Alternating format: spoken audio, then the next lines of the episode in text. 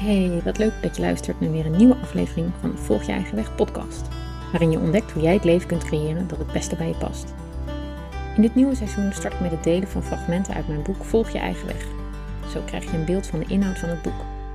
In andere afleveringen ga ik in gesprek met inspirerende mannen en vrouwen die al jaren hun eigen weg volgen. Ze vertellen hoe ze dat doen, welke uitdagingen ze tegenkomen en geven tips hoe jij dat ook zou kunnen.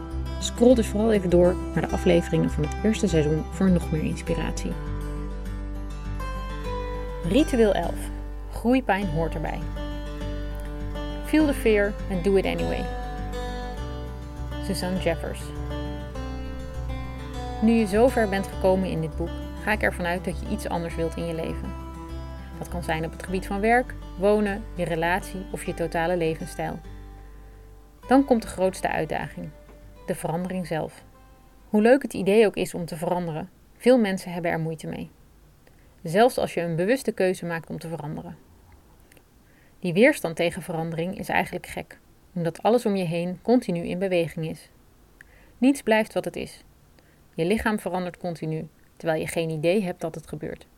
Je gedrag verandert ook, al heb je dat niet altijd in de gaten.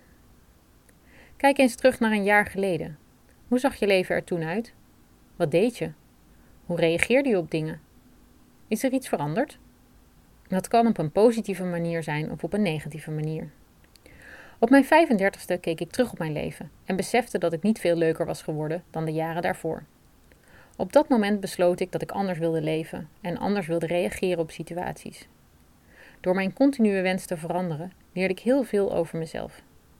En dat was niet altijd even makkelijk. Ik ging door diepe dalen. En steeds heb ik mezelf eerlijk in de ogen gekeken en me gerealiseerd dat bepaald gedrag, dat heel comfortabel was, niet altijd helpend was naar het leven dat ik wilde creëren. Mijn belangrijkste les was in te zien wat ik kon veranderen en wat dat zou opleveren.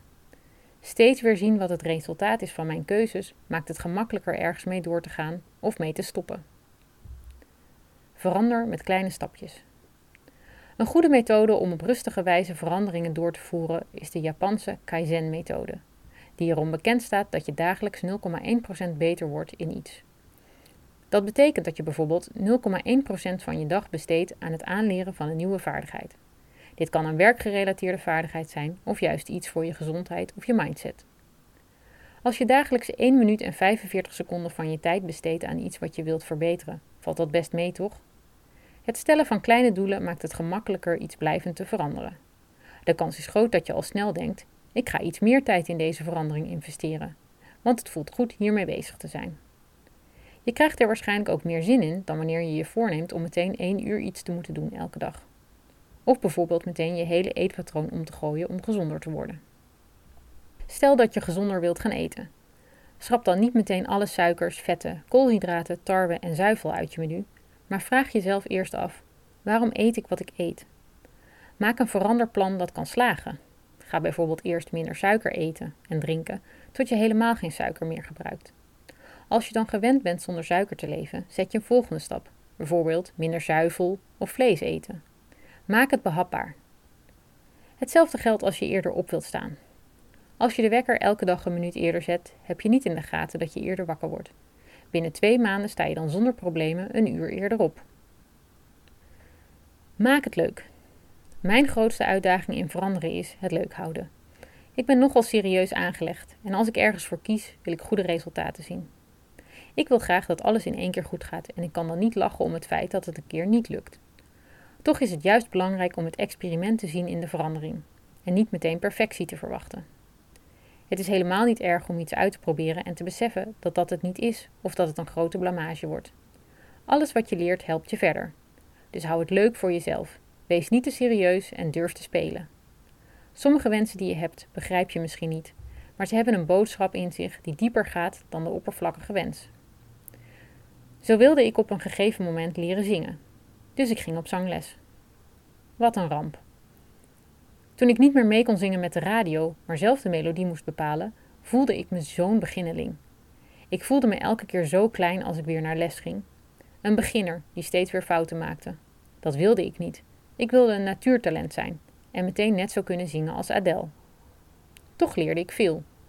Ik leerde mijn stem groter te maken, me te laten horen en me kwetsbaar op te stellen. Ik stond na vijf lessen te zingen voor een groep, omdat ik vond dat het erbij hoorde.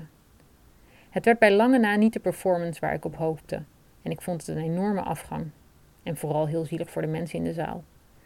Maar daarna durfde ik wel beter op mijn manier mijn verhaal te delen. Door uit te proberen, jouw ideeën te delen met de wereld, vragen te stellen, te kijken en mee te bewegen, ontdek je wat bij jou past en wat niet. Je zult vallen en opstaan, succes hebben en er zullen dingen misgaan.